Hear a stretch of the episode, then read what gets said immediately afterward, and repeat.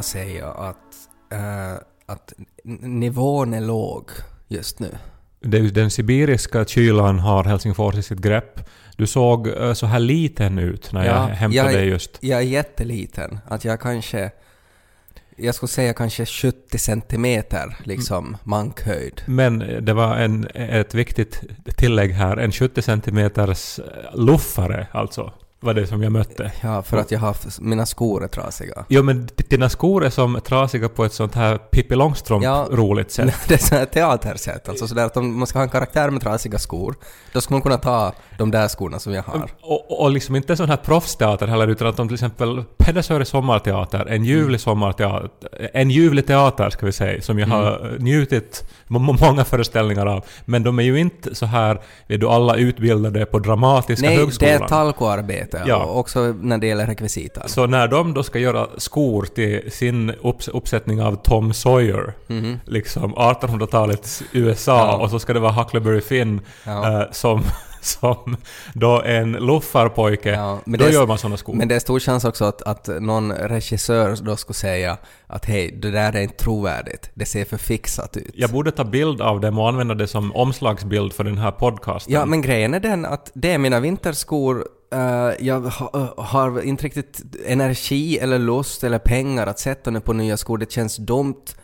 Det är snart sommar. Varför ska jag köpa nya vinterskor? Ja, nå, energi vet jag inte. Lust är ju bara alltså... Det, det, det, det som du säger då är ju att du inte har lust att leva. Nej, men det, för det är minus 30 grader där det ute. har att göra med den här nivån också som jag pratade om tidigare. För jag, jag, jag försökte, alltså jag var faktiskt uh, och skulle köpa skor. Att det var i ett skede så var, jag, så var jag inne i butiken och prövade skor men att jag gav upp. Eh, för jag märkte att det, det blir inte, att jag, jag blir på för dåligt humör. Att jag måste avbryta det här nu. Men det, det är ju inte... Alltså, det är ju en sak alltså, att om man ska hitta vid du, byxor, att man måste Mm. börja ta av sig sina egna byxor, gå in i en koppi och allting. Skor är ju lätta. Det är bara att sätta sig ner på en stol och, och, och pröva Nej snabbt. men då det är inte så lätt, för de är så sönder de där mina skor så att, att de fastnar i mina jeans också. Att det är inte liksom så lätt att ta av dem för att det är liksom så här metall som sticker ut som gör att, att jag måste nästan ta av mig byxorna för att få av mig skorna Är också. det där de där skorna som också köptes till dig eh, på, på, på Vasa Teater, som du använde i föreställningen Pleppo 2? Eh, som MacGyver. Vi hade en, en av, avslutande sketch. Ja, det är de skorna. Ja. så, så, så det Men inte vad, det ens spelar riktigt... väl... Vadå att det inte ens är Nej men det, skor? det, det innebär ju att du inte har köpt skor vet du, på många år. För att de där har du ju då fått för ett år sedan. Jag tror jag betalar nog en liten summa för dem, för att få dem. Ja, men det, det, det, är vet du vad, det är oroväckande. Alltså att komma på eh, årtiondets kallaste dag i totalt trasiga teater, liksom clownskor. Ja. Och, och, och sen påstå att du inte har tid och energi. Nej, men nu ska jag förklara vad den här nivån är då. För att jag har varit på... Jag, jag har ju eh, alltså lite nytt jobb. Vi har ju inte riktigt pratat om det här i podden, men att jag är ju producent nu för tiden på Yle. Så- Ja, men ingen vet vad det betyder. Att du Nej, är men- producent på Nej, Yle. men att jag, jag, att jag, jag, jag ansvarar liksom för ett team. Att jag är lite mera chef nu för tiden. Jag är inte bara en vanlig redaktör, utan att jag, jag, jag, liksom, jag har ett litet team som jag ska se till att, att det händer grejer. och, och det betyder också alltså att jag har eh, mera grejer, jag har större ansvar, mera saker som jag måste göra och sådär. Och, och till den här grejen så ska jag också gå en, en sorts så här förberedande kurs i hur det är att vara, vara en, en, en ledare, att, att vara en coach och sådär. Eh, och nu har jag varit på den kursen. Och, och den, Hade du de där skorna då också? För det är ju inte världens proffsigaste intryck att Huckleberry Finn kommer och ska leda en grupp med redaktörer som säkert har högre utbildning än dig. ja, men Steve Jobs, han hade ju samma kläder hela tiden. Och det gick ju jättebra för honom. Vet du att Steven, Steven Jobs, som han ju hette faktiskt på. Steven Arbete. Steve, Steve, Steve Jobs eh, hade knappfobi. Visste du det? Nej, det visste jag inte. Alltså han. Och, och, och, och det det här är då tydligen en väldigt vanlig fobi. Jag tror det är samma som Lo har också. Alltid när man ska få på honom några kläder med knappar. Ja men det var orsaken till att Steve Jobs alltid hade polotröja. För han vägrar ha knäppta plusar eller jackor. Okej, var det Och- för att han grät så mycket när hans mamma och pappa försökte få på honom hans pyjamas med knappar? No, det kanske har startat på något sånt sätt. Eh, Men alltså, tänk det, vad det sen ledde till. Inga knappar eh, på touch, alltså på iPhone. Inga knappar på liksom musar. Men vet du, alltså pratar vi nu om så här kn- knäppta knappar eller datorknappar? Alltså vi pratade ursprungligen om knäppta knappar men det är ju inte omöjligt att anta att han också tyckte det såg obehagligt ut med knappar på sina devices. Såna här grejer borde du ha tagit med dig till din ledarskapsutbildning och imponerat nå, på Jag dina... satt där som Charlie Chaplin eh, i, i mina trasiga kläder igår. Men det var inte det som var problemet. Alltså, egentligen var det bara bra det att jag hade någonting som på något sätt tog uppmärksamheten bort från den här största grejen. Som är det då att jag är så dålig på finska. Det som kallas för den eh, finska elefanten i rummet. Ja, Norso, Hånäsa. Eh, det är ju just det, alltså jag är ju hemskt dålig på finska och, och det här, jag skyller ju ofta på det här. Alltså det är för att det finns redan för mycket språk i mitt huvud och, och jag har inga finska rum som jag deltar i. Och det här är ju ett problem. Alltså du har ju... Alltså det är ju så att du undviker finska rum. Nej, jag skulle inte säga att jag undviker dem, det är bara det att jag inte naturligt exponeras för de här Nej, rummen. men- Jag, jag har studerat på ett svenskt universitet, jag har jobbat på otroligt svenska arbetsplatser, jag har nästan bara svenska vänner. Du jobbar på en otroligt tvåspråkig arbetsplats där ditt språk är i minoritet. Du har studerat på ett svenskt universitet i en stad där 95% pratar finska och du påstår att du inte har haft några finska rum. Nej, jag vet inte hur det har, hur det har varit så, men att, att jag har liksom inte, inte hamnat dit. Men jag, jag ska inte liksom skylla på det. Liksom, jag förstår ju att, att det, det är liksom mitt fel att jag inte kan finska, men att det är ju, det är ju såna här dagar bara när det blir så konkret, alltså att man känner ju sig som ett monster på något sätt. Alltså när, och, och, och, och, där är liksom så här smarta människor som alla är så här underbara från alla håll, alla finska håll som finns i Finland och som är på den där kursen. Och man skulle vilja prata med alla, man vill ge ett gott intryck och man ska diskutera ledarskap och psykologi och allt det där. Och så sitter jag där och försöker fundera att, att vad är Valmentaja? Vad betyder det ordet? Och sådär. De, ja. Och så är det grupparbeten och pararbeten och, och, och det är ju synd om paret som hamnar med mig. Att jag sitter där nästan naken med söndriga kläder och, och, och, och pratar eh, en oförståelig svenska, alltså äh, finska. Alltså något så, så här helt, helt liksom så här jollerspråk. Men klar, alltså för, för om det här då är att ska liksom vara ledare så Mm. antar jag ju att dina ledaregenskaper mättes då. Ha, alltså hade du alls, eh, vet du ens förutsättningarna för att lite som nosa på ledarskapet där då? Nå, jag, alltså jo, jag, kan- jag kan ju lite ta till mig liksom att, att hur, hur, vad de pratar om, men att det, är ju, det är ju jättesvårt. Alltså det är ju som att, att vara, eh, att springa 100 meter utan ben. Alltså så känns det ju. Att, att det är Som liksom Oscar Pistorius Ja, jag, du, jag kände mig som Oscar Pistorius, utan protes. och utan mordiska eh, lustar också. Ja, men på gränsen till det. Men mer så här självmordiska lustar. Men det som var det, det absolut det värsta, alltså det är ju just det här då att du ska socialisera, du ska vara smart, du ska ge ett gott intryck eh, och du ska prestera någonting på den här kursen. Så är det ju också sådär andra grejer som att, att man hela tiden liksom mäter sådär sina chefsegenskaper. Och en grej som vi diskuterade var att, att när man är i en sån position eh, så folk tittar ju på en hela tiden och folk tolkar det man säger. Att man är liksom man måste vara medveten om hela tiden hur man beter sig för att man är i en, en utsatt position på ett sätt. Mm. Uh, tror jag. De, de förklarar ju det på finska så det kan ju hända att jag har missförstått. Men i alla fall så att en grej av den här övningen då var att man skulle i inledningen av kursen så skulle man dra två namn ur en hatt. Eh, och så skulle man titta på de här namnen och så skulle man liksom inte, inte visa åt någon. Alltså det är nog lustigt att ändå de här barnkalasjuttorna som, som, som var spännande då och som var på något vis så här uh, åskådliggörande då. Eh, och och som man sen använde liksom i skolan och jag tänker på Rippeläger Ja. hade vi så här man drog Ja. namn ur hattar. Det, det, det, det tar aldrig slut. If it ain't broke, don't fix it. Ja. Så, så är det ju. Eh, och grejen var då att när man får de här två personerna då så ska man vara en spion under hela dagen. Man ska spionera på de här människorna och observera dem. Så jag har funderat hur uttrycker de sig? Hur beter de sig? Hur, vad är deras nonverbala kommunikation, kroppsspråk och sådär? Man ska observera dem helt enkelt. Och sen när kursen är slut, då ska man ge dem en komplimang. Och då kommer då... Var det liksom Harvey Weinstein som hade designat den här grejen? alltså att man ska som titta på sina medarbetare? Nej, inte titta och på liksom dem. öga deras Nej, analys, sätt. analysera helt enkelt. Det är ju det.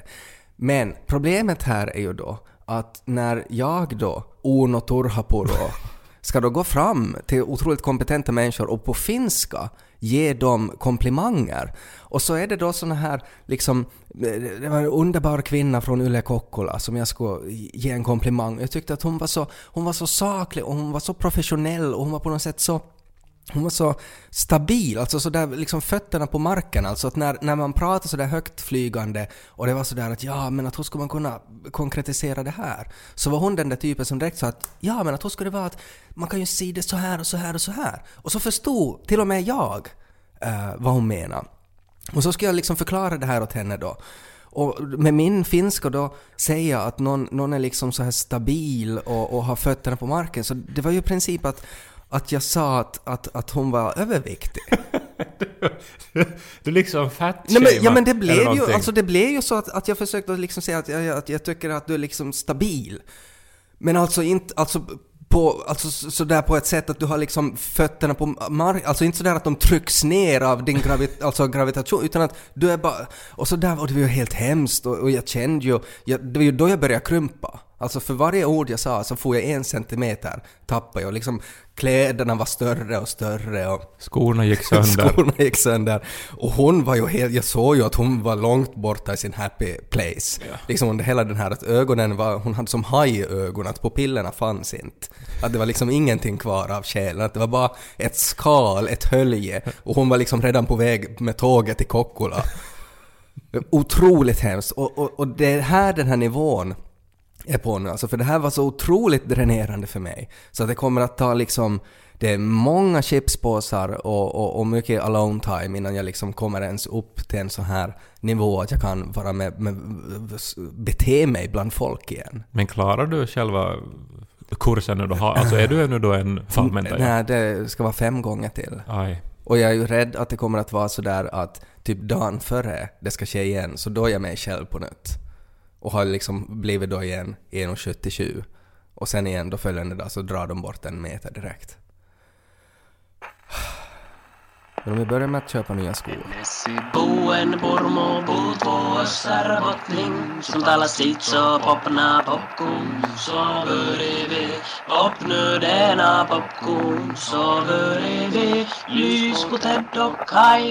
Men det är ju svårt att vara bra på allt och det är ju svårt att liksom... Nej, men, det, men det är en skillnad att vara bra på allt och att bara kunna fungera. Bara vara normal. Eller så, så här, in, alltså, man måste inte vara normal men sådär att man inte skrämmer folk. Ja, nej men det där är ju, jag har ju många gånger pratat om hur min stamning till exempel lägger mig i såna här kniviga situationer. Ja, men det där, jag, jag tror faktiskt att jag har en liten inblick i hur det är att spotta blod på folk vid, vid cyklarna, som du har pratat om. Jo, För, att, det- för, för det är just den här, när man märker att de har helt gett upp hoppet med att, att det är en normal, sansad individ man pratar med. jo och det, det är liksom fruktansvärt alltså att man kan inte ens ha så här, du, vanlig uh, vänlighet går nej, inte. nej, Liksom. nej, det, det försvinner först. det, det, det försvinner först och, och, och sen förstås ens, ens eh, verbala, alltså som att man inte kan uttrycka det man vill Mm. få, få sagt. Nej. Och sen att man ju... Alltså hela ens eh, uttryck blir ju eh, att man är en eh, annan och mycket, mycket sämre människa. Jag tror att största skillnaden är att i den situationen så hoppas jag ju att de ska fylla i vad jag, vad jag försöker säga. Ja. Medan du kanske då inte gör det. Det här är något som, som, som, som man- man ju kan upprepa och, och om jag nu ser mig då som folkbildare i den här frågan så om ni stöter på någon som stammar så ska ni undvika att försöka fylla i eh, vad, den, vad ni tror att människan försöker säga. Mm, och om ni pratar finska med mig så är det fritt fram att fylla i. Och jag kommer inte att rätta er om ni har fel heller. Ja, nej men det är ju via, via liksom tusentals såna här tillfällen som man sen lär sig finska, Ted. Jo, men jag skulle hellre lära mig finska i på något sätt en mer normal miljö. Ja, men hur bra har det gått på 35 år? Nå, Liksom, num- alltså- illa hade ju gått. Ja, alltså man måste ju ge upp det här att det ska som på något sätt serveras åt en eller som bli vet du, en mjuklandning. Jag, det, gjorde, den, jag, hade ju, alltså jag gjorde ju till och med radio om hur dålig finska jag var. Det var ju, jag, jag gjorde ju någonting som jag kallar till pakkosuomi, alltså tvångsfinska. Där jag eh, i princip pratade finska med, med, med riktigt finska gäster i radion. Och Ja. det, var ju, det var ju en sorts terapi för mig, liksom att, att, att nu utnyttjar vi det här direktsändningen där jag gör bort mig på finska. Eh, det, ni kan kolla, det finns säkert på YouTube tror jag om ni söker på pakkosuomi. jag minns det var ganska roligt också. Ja, att jag kallar ju- väl Aku Hirvimäki så kallar jag till... eh, jag minns inte om jag kallar honom till pedofil eller om jag kallar honom till... Å- Åtminstone kallar du honom just för Aku Hirvimäki när han heter Aku Hirviniemi. Just det. Nej, nekrofil var det. Ja, Inte pedofil. ja, just det. Men så kan det ju gå. Ja, så kan det gå. Stadig, stadig, välbyggd nekrofil från Yle Kokkola. Men det är ju svårt eh, alltså att på något vis upprätthålla eh, fasader. Alltså det har ju jag märkt. Jag, jag, jag har ju låtsats också att jag inte stammar. Mm. Och det, gör, det är ju svårt. Ja, För men att- alltså man måste ju ge upp i något skede. Ja, men det är ju, alltså man håller upp den fasaden genom att inte prata, Mm. eller om man börjar stamma, att man börjar skoja bort det. Mm. Eh, Min eh, sån här standardgrej var alltid att om jag riktigt blockerar ordentligt på något ord så låtsades jag börja hosta. Och sen var jag som oj oj oj vad, vad jag eh, inte kan prata nu, vad tokigt liksom. Och sen så är ju- skrattar vi tillsammans. Men sen om du fortfarande efter det ännu stammar, så då funkar det ju inte riktigt. Nej, men det var ju det, det är därför jag oftast då bara helt enkelt höll tyst. där. Ja, det är ju Men- som med min finska så säger jag niinpä. Och sen märker jag att okej, det, det var fel svar. det där att det passar inte alls. Ja, men, men att jag tänker så här att egentligen ska man ju inte heller liksom ta sig fatten över huvudet och liksom gå in i situationer där man då måste spela en roll för att Mm. eh, upprätthålla eh, någon sorts eh, status. Nej, Och nu tänker jag ju då osökt då på Brother Christmas. Har du Bro- följt med? Brother Christmas. Ja. Alltså är det någon okänd jultomtebror? Nu är jag ju överraskad att du inte vet vem Brother Christmas är, för han var så väldigt uppmärksammad i fjol. Alltså det här är en kille, Aki Koponen heter han, som uh, det här uh, har då skapat sig ett, ett, ett alter ego. Är det han som står och gungar på det där repet i Helsingfors alltid kring jul? Nej, det är en annan jultomte. Jag var Eh, helt säker på att det var han. Nej, det är inte han. Utan det här är då en, en det här eh, finsk kille som klär ut sig med skägg och luva och går omkring och hjälper uh, sådana som behöver hjälp. Alltså till exempel barn som är sjuka, så får han och hälsa på och ordnar roliga saker för. Och han, Så han är som en sorts laser skater som faktiskt gör något? han har startat då på egen hand en enorm välgörenhetsorganisation, eller alltså den var ju inte enorm till först, det var bara han som då liksom började göra bra gärningar, samla in pengar, främst via sociala medier, och sen då så gav han då till de som be- behövde det. Och det här då fick ju en massa uppmärksamhet, för det här var ju ett sån här vet du, ett, alltså som klippt och skuret för sociala medier. Han var sympatisk, han var ung och, och såg lite eh, rolig ut och han gjorde bra saker. Alla älskade Ja, liksom super-like. ja, Men nu har de ju då granskat hans bokföring och hans WhatsApp-meddelanden då. jaha. Och så visade det sig då att den här businessen då som har växt nu till, en miljonbusiness, Mm. att den innehåller väldigt mycket oklara saker. Han har antagligen då försnillat pengar till sig själv. Mm. Eh, han har eh, det här eh, varit ytterst selektiv med de- ändamål som han har donerat till för att alltid till maximera på något vis den här mediesynligheten. Mm. Och sen i hans personliga WhatsApp-meddelanden då så har han använt rasistiska ord och kallat kvinnor för vidriga saker. Mm. Och, och, och nu då helt och hållet på något vis... Uh, no, hans skägg har rakats av om vi säger så. Så det- Jultomten är naken. Det, det, I princip är det sådär som att om du som tar emot pengar som, som är så här eh, att det är inte är helt okej varifrån de har kommit, liksom att det är dirty money. Men det är fortfarande pengar. Är det liksom samma sak med hans leksaker då? Att man som barn, det är liksom dirty toys som man tar emot då. Men det är ju ännu toys är det ju men. Ja, men det är ju hemskt det här just, äh, alltså att... Vet vet du som att... Det är de här extremerna, att man liksom skapar en sån här bild av sig att man är så här alltigenom en liksom god Mm. figur. Och jag- alltså jag vet ju att de flesta är ju någonstans där mitt emellan. Men Ja. varför är det ofta de här som då tar på sig de här rollerna av att vara mest oförvitliga som sen också skriver rasistiska... Ja, men det är ju, det är ju inte, det är inte alls något konstigt det. Att det, det, är ju, det är ju precis det jag tänkte på, att det är ju oftast så. Alltså de här människorna som på något sätt ger sken av att vara änglar, så är ju oftast motsatsen. För att det är ju viktigare för dem att, att visa att, att nej, jag är faktiskt inte så här hemsk som jag faktiskt är. På grund av deras samvete, på grund av rädsla att bli fångna, tagna på bar gärning och sådär. Men det, det där är ju klassisk liksom, grundkurs i att vara psykopat det där. Skapa en fasad som, som är motsatsen till hur du egentligen är. Ja men nog känns det ju väldigt opsykopatiskt att, att, att ändå liksom starta upp en organisation som ju nu då bevisligen också har hjälpt väldigt många. Jo, men det blir ju psykopatiskt när den har hjälpt väldigt många och för att maximera eh, mediaexponeringen så att man själv ska se så bra ut som möjligt när man egentligen skriver är rasist och, och, och kvinnohatare och, och använder pengarna till dåliga grejer.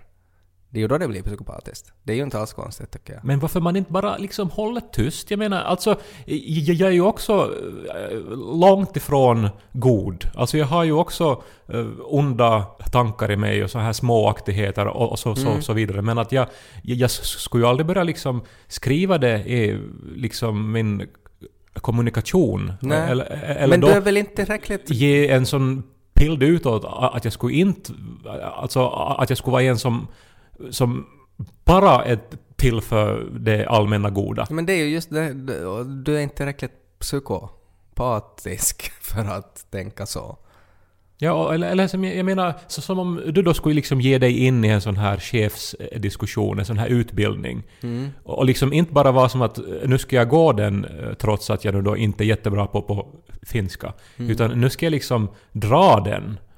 Liksom, det, det, det som... Det tankehoppet är för mig totalt obegripligt. Ja, det, det är ju spännande. Och det är också på något sätt en så här... För sig hade han ju nu här en klar pe- personlig vinning förstås på det hela då, att han fick ju en massa pengar. Det som jag tycker är intressant med, med, med, med en sån här fundering är ju att det är ju nästan alltid karrar som gör sådär.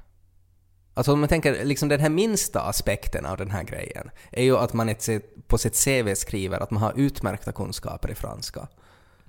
Och sen när man under arbetsintervjun så säger man att ja, eh, jag, jag har inte utmärkta kunskaper i franska men att jag har, jag har varit i Frankrike. Jag har inte varit i Frankrike men jag har ätit eh, mycket fransk mat. Ja men här handlar det ju Jag har, inte, jag har inte ätit fransk mat men jag har ätit franskisar. här handlar det ju om att spela Det var förstås, batat som jag åt. att spela på den här eh, sannolikheten att antagligen så kommer man inte att gå jättenitiskt åt alla delar Nej, av nej, min ansökan. men ändå en sån, här, en sån här viss lögnaktighet som jag tror att kvinnor tenderar att, att, att, att vara mer ärlig med när det gäller att, att på något sätt eh, liksom pusha på sig själv. Liksom. Alltså en sån här psykopatisk, narcissistiskt drag på något sätt. Där man, eh, att, att det är lättare för karlar att höja sig själv till skyarna tror jag, än för kvinnor. Hemskt så här, nu baserar jag bara det här på, på egna observationer. Ja, men jag och, och kom ihåg att jag är också en person som har trasiga skor som säger det här. Och nu är vi ju lite utanför det som jag startar från, men jag tycker inte heller att det är en dålig egenskap att skryta på sig själv. nej, nej, nej. Utan Alltså det, tvärtom så är det om någonting, någonting som jag tycker att kvinnor då, om de gör det mindre, Mm. borde lära sig att göra och borde liksom ta, ta som livsuppgift att, Ja. att alltid liksom framhålla sig själv. jag håller med, men jag, jag menar att om vi får tillbaka till Brother Christmas, så att man, jag har, tror jag aldrig hört om något liknande Sister Christmas situation, att det skulle komma fram att det är någon Moder kvinna. Teresa lär ju ha varit ett asshole också så här att hon, Ja. hon var väldigt hård mot sina eh, anställda, Ja. eller anställda, de som Men hjälpte där, till. Och, hon var väl inte liksom sådär att hon, hon liksom eh, örfilade sina anställda att de skulle skriva bra saker om henne på Facebook, utan att, att det var väl sådär att andra gjorde det åt henne utan att hon behövde be om det. Ja, men alltså det som jag väl nu ville bara egentligen ventilera med dig var det här med att som skapa eh, roller som man... Alltså write checks that you can't eh, cash. Nej, vad heter det? Ja, men det heter väl så. Ja, och att det, det är liksom, tycker jag, en tråkig egenskap. Ja. Däremot så finns det ju de som alltid är vad de ser ut att vara. Mm. Har du sett affischen? Nej, vilken affisch? Gambermark. Humorgruppen Kai. ja, Ja men det är premiär för humorgruppen Kais eh, nya musikal. och du är arg. Nej, jag, låter jag arg? Nej, nej, nej. Nej, du brukar bara... Det, det är alltid någonting under ytan när det gäller ditt förhållande till humorgruppen Kai. Nej men jag såg affischen, och gjorde väl du det också? tyck- det var en jo, stor jo, jo. nyhet. Det var en Ja. snygg affisch. Ja, det var en snygg affisch Mm. och, eh, och, och de står ju i folkdräkt där. Ja. Och så heter det Där Gambermark. Det här är mycket värderingar nu tycker jag det du säger. Nej men alltså det är på något vis Vad är det för fel med härligt- folkdräkt? Nej, det är inget... Du, du lyssnar ju inte ens på vad jag har att säga. Nej men jag, jag observerar dina nonverbala kommunikationer. Att här är det roligt med att någon är precis det man tror att de är. Att om humorgruppen Kai ska göra en musikal så då tänker man ju att oj, hur kommer den här musikalen att bli? Och sen när du har sett affischen så blev det på enda sättet som humorgruppen Kais musikal borde vara. Nej, Enligt men dig. jag tror att jag någon gång sa på, på skoj, alltså då när vi satt och funderade på att oj, nu har vi hört att de ska göra en musikal, undrar vad det ska bli. Så sa jag no, att den kommer antagligen att heta Ordvits, en nyskriven musikal av humorgruppen Kai. och på affischen står det ju alltså Gambermark, en nyskriven musikal av humorgruppen Kai. Ja. Så Ja. det är ju bara liksom att de böt ut ordvits mot en ordvits. Ja, men samtidigt, eh, det, det, det har, man har ju sett publiklöfte också. Sådär att, och, jag menar, det är ju det som folk vill ha. Jo, men jag försöker som uh, uttrycka känslorna jag, jag hade när jag såg affischen nu. Alltså det, det är lite som när Kent släppte Du och jag döden. Mm. Att det var liksom, alla pratar än om vad Kent var, vet du. Mm. De var deppiga och de var eh, så här väldigt mörka och Ja. melankoliska. Ja. Ja, och så kommer ett album som heter Du och jag och döden. och så kommer ett album som heter det. Ja. Som ju är som... Nästan som att de riktigt som försöker, vet du, rub it in our faces lite. Mm. Men Och- kanske är det det som humorgruppen Kai gör också. Ja, men kanske är det det. Mm. Men det är också lite grann när 20-åringar gör det. Mm. Som, som gör att jag blir så här orolig också kanske. Ja. För att är det inte... eh, Men de de är som ju på något inte- vis ska... De är ju inte på något sätt vanliga 20-åringar. Det är också viktigt. Jag vet inte vad en vanlig 20-åring är Nå, heller. en vanlig 20-åring så spelar ju inte omkring i folkdräkt. Nej, men, men det är det jag menar. Att varför de går åt det hållet. Ja. Alltid. Konsekvent. För att det är deras humor, för att det är kul. Folkdräkter, det är lite Nej, kul. men det är ju min, min, min mommos humor. Ja, men kanske de har. Det, det liksom... Mommon måste ju också få skratta. Min mommo skrattar aldrig. Nej men det var kanske för att han hade så dumma barnbarn det då eller någonting. Men sen också att göra li- liksom, vet du, som en pressrelease. Det är lite som, som om det skulle komma att nu har Rolling Stones släppt en skiva med nya rock'n'roll-låtar. Ja, men man måste ju ha en pressrelease. Det, det, det, det de har ju inte bestämt att de ska ha det där. Det är ju teatern som har fixat det där åt dem. Nej, men är det bara jag nu då som hade hoppats ändå på en Aktung Baby, liksom? Vad betyder det? Nej men U2. Ja, Som- YouTube börjar alltid spela när jag sätter på mig mina hörlurar och jag är så U2 arg. var ett av 80-talets största band. Ja, du behöver inte förklara vad YouTube är. Största skivan hette The Joshua Tree. Mm. Och eh, efter det så liksom turnerade de hela världen Mm. med sitt eget fantastiska sound. Att du är arg för att humorgruppen Kai inte är som YouTube. Nej men i något skede så blev ju U2 eh, ointresserade av att vara U2 och så gjorde de skivan Aktung Baby som de spelade in i Berlin. Mhm. Och den är då liksom väldigt experimentell och annorlunda och ansedd vara som en av U2s skivor. Lite som Sgt. Pepper's Lonely Hearts Club Band. Ja, det är egentligen helt olika saker. Men humorgruppen Kai har ju också ett spin-off band. Det är de här... Har de inte en sån här rockabilly-grupp också? Det är ju deras Actum Baby. Ja men det har väl de inte... Har de inte haft... De har ja, väl haft ja. spelningar med dem? Nå, det här vågar jag inte säga nu då. Eventuellt Mm. har de ge- ge- gett ut en... en Jag, jag vet inte om de har, jag, vet, jag vet bara att de har uppträtt som, som en rockabilly-band också. Nå, men alltså jag menar inte nu... Alltså det här är inte en kritik eller någonting. Ja, det, kommer, det framstår ju nog som det. N- varför det? För att... Vi måste ju kunna diskutera... Det här är ju en, en, en av de stora teaterhändelserna Ja, under detta år. Men att säga att det här är inte en kritik men är ju precis som att säga jag är inte rasist men... Nej, det, Det är ju exakt samma du sak. har helt fel. Men så, Nej, så nej. du reagerar inte alls på den här av Jag reager, affischen? min reaktion var Rolig ordvits. Snygg plansch. Den där ska bli kul att se. Ja, men det ska det. Fina folkdräkter. Ja. Men de åtminstone, de verkar ju vara genuina. De är precis det som de utger sig för att vara. Konsekvent. Till skillnad från Brother Christmas, till skillnad från Ted Forsström som ler och låtsas att han förstår vad de säger på ledarskapsutbildningen. Till skillnad från den tonåriga Kai Korkeaho som aldrig sa någonting för att uh, uh, dölja att han stammar. Jag fick ett spännande mail från min bank. Eh, Det händer inte så ofta. Nej, de är nog inte ofta spännande. Inte är de så här uppmuntrande ”Åhå?” eller så är de att ”Vad fan har hänt?” Ja, det är ju alltså när jag tänker sådär på underrubriken ”Spännande mail från banken” så, så kanske det mest spännande så skulle vara på något sätt att, eh, att vi behöver din fullmakt för att det är en, en person som har testamenterat eh, ganska mycket fastigheter och, och, och, och summor åt dig.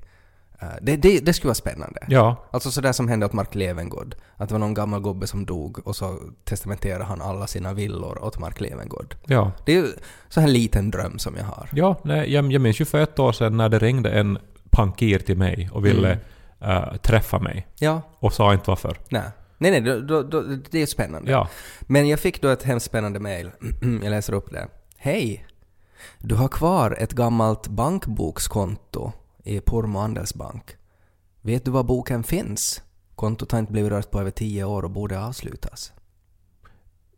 Och det var ju lite spännande. ja no, det mest spännande här är ju att för tio år sedan när du var 25 så gick du med bankboken till nej, Andelsbank här, här är, här är, för att, för här är att många- utföra dina Många ärenden. mystiska omständigheter här. Att ena är ju det då att jag har inte gjort det. Jag har inte varit med någon bankbok på tio år dit. Så att, att Nej, tydligen inte på tio år, men Nej, nej, tydligen... nej, nej, men för tio år sedan så har jag inte heller varit dit. Så att jag vet inte vad, vad, vad, har det varit för, för insättningar gjorts av någon mysterisk eh, döende rik person. Borde vi nu sätta in en snabb parentes för alla poddens lyssnare? För ingen vet säkert vad en punkbok är. Men då förr i tiden, eh, på, ännu på 90-talet, så gick man alltså med ett litet häfte till banken. Där det då stod hur mycket pengar man hade på konto. Och, så, Typ skrivet med blyerts. och så fanns det liksom stämplar och sånt. Och sen så gjorde man sin transaktion och så skrev de in den nya summan i bankboken och så får man hem. Ja. Ja. Istället för en dator så var det ett litet häfte. och istället för bankkort och Ja. sånt. Jag svarade ju på det här mejlet då. Så här, oj, ho- hoppsan, jaha, ja okej, ja, jag visste inte att jag hade ett orört bankkonto. Mm, låter spännande. Och så fick jag svar då Eh, att kan du fylla i fullmakten att vi får avsluta det här kontot eh, att fast eh, boken inte, inte har hittats, för jag har ju ingen aning om var den är. Skriv ut, skriv under och skanna tillbaka. Inga vittnen behövs. Kapitalet kan jag sätta in på ett av dina andra konton. Och här blir det ju spännande. Ja, nu skulle ju nog mina varningsklockor ringa här. Att är det här ett så, så kallat Nigeria-brev nu då? Ja, så, så det funderar jag ju också, men det, det var ju faktiskt skickat från banken eh, och, eh, och, och, och jag har ju inte liksom... Det står i mejlet att det är skickat från banken. Eh, Dr. Sombun. Pormo Lagos. Nigeria. ja, nej, men jag, jag funderar faktiskt inte för att jag råkar också veta att den här personen som, som har skickat det här så att hon bor mitt emot mina föräldrars hus. Så att jag, kan, jag ska också kunna ringa att kan de få fråga att är det hon? Eh, Okej. Så jag var ganska säker på att det inte var någon från Nigeria. Men jag satt ju och väntade då, alltså när någon skriver kapitalet, att det är ju nog en så här, en, en, en, ett saftigt ord att beskriva en summa på det. För jag tycker att en summa, det kan vara, det typ 100 euro kan det vara. Det är liksom en produkt har en summa. Men ett kapital, att nu snackar vi om liksom, man ärver ett kapital. Ett kapital kan på något sätt påverka hela ens liv. Ja, Vad alltså- gör du med kapitalet? Om det skulle ha stått att så sätter jag in pengarna Ja. så skulle det ha varit okej men det kan vara vet du, 11 euro då. då. Mm. Din blick dog nu. Det var en euro och 23 cent. Ted Nils Håkan Forsström. Ted Nils Håkan. Ted Nils Håkan Forsström. Men eh, en euro 23 cent, alltså de måste ju haft noll ränta på det också. Ja, för, men jag för, vet inte. Men det är ju så dumt. eller om det var en euro för 10 år sedan så hade det blivit 23 cent till på Ja, 10 men det år. var på något sätt också så det passar så bra att här går jag omkring i söndriga skor Eh, och att det liksom flyger eh, flugor ur mina fickor när jag vänder dem ut och in. och så får jag liksom en insättning på en euro och 23 cent som jag skulle, jag skulle kunna liksom tigga mera pengar åt mig på någon timme liksom. Och du måste liksom printa ut en fullmakt och Ja, så vidare. det var ju alltså printerpappret och färgen var ju dyrare än pengarna som fördes över till mig. Ja.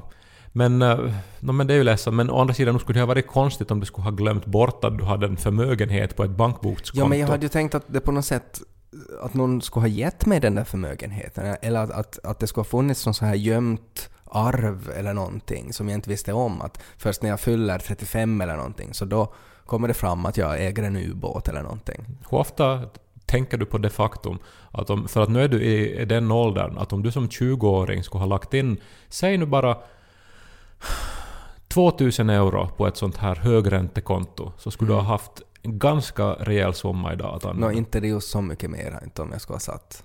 Det finns olika konton, olika Ja. möjligheter. Men det skulle vara kanske 2107 euro skulle du ha idag då. På 10 år. Ja, någon råd med nya Nej, skor. jag brukar inte tänka på det där för att jag får ångest av det också då. Ja, men eh, just som vi nu har pratat om här så det är ju få saker som faktiskt är det de ser ut att vara, eller det som man hoppas att de ska vara. Det enda är humorgruppen Kai.